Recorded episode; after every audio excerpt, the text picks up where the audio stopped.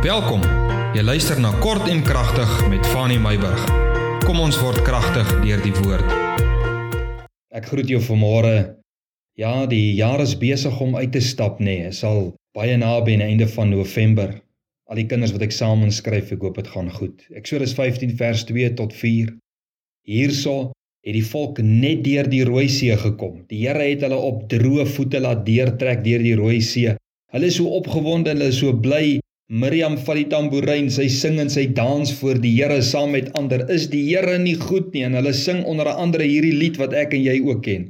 Die Here is my krag en my psalm. Hy het my tot heil geword.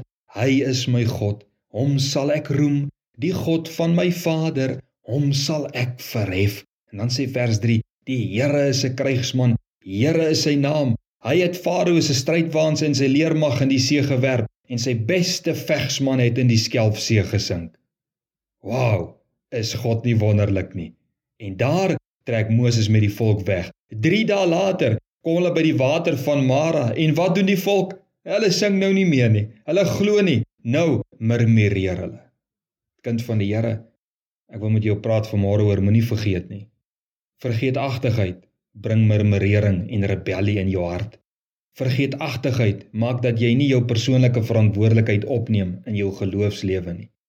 Die volk het nie met hulle volgende krisis die verantwoordelikheid van geloof opgeneem en God gesoek en vir God gesmeek vir uitkomste nie. Nee, hulle het eerder na hulle leier gekyk, hom geblameer, hom onder druk geplaas vir hulle tekort aan geloof. Dit is wat vergeetachtigheid doen. Kind van die Here, dit is nodig dat jy sal onthou wat God vir jou gedoen het gister en eergister en dat jy daaruit geloof sal put vir die volgende uitdaging in jou lewe.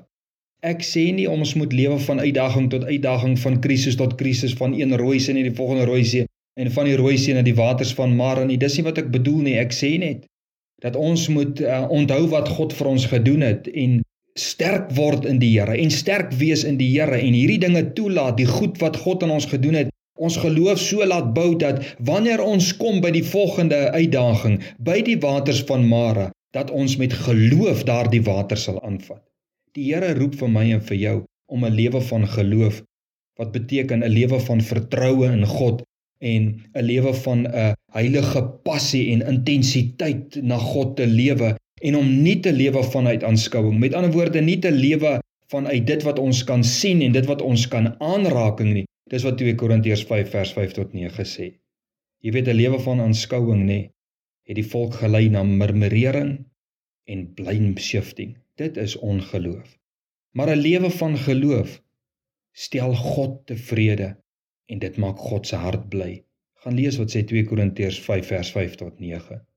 So vir jou wil ek vanmôre sê, moenie vergeet wat God gister en eergister vir jou gedoen het toe jy na hom geroep het nie eer God eerder vandag en in hierdie week. En wanneer jy by die waters van Mara uitkom eer God met geloof.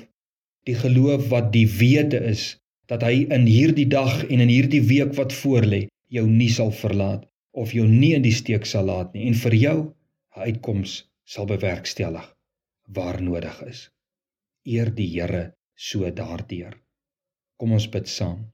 Here ons gee vandag hierdie week in u hande. En ons wil vandag en môre en in die week wat voorlê, wil ons met geloof aanpak.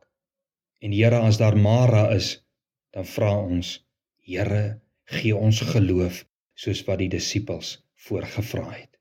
Here, help ons om nie te murmureer nie. Help ons om nie te blameer nie, maar dat ons U sal soek met ons hele hart, hele siel, krag en verstand. Dis my gebed in Jesus naam. Amen. Seën en vrede tot ons môre verder gesels.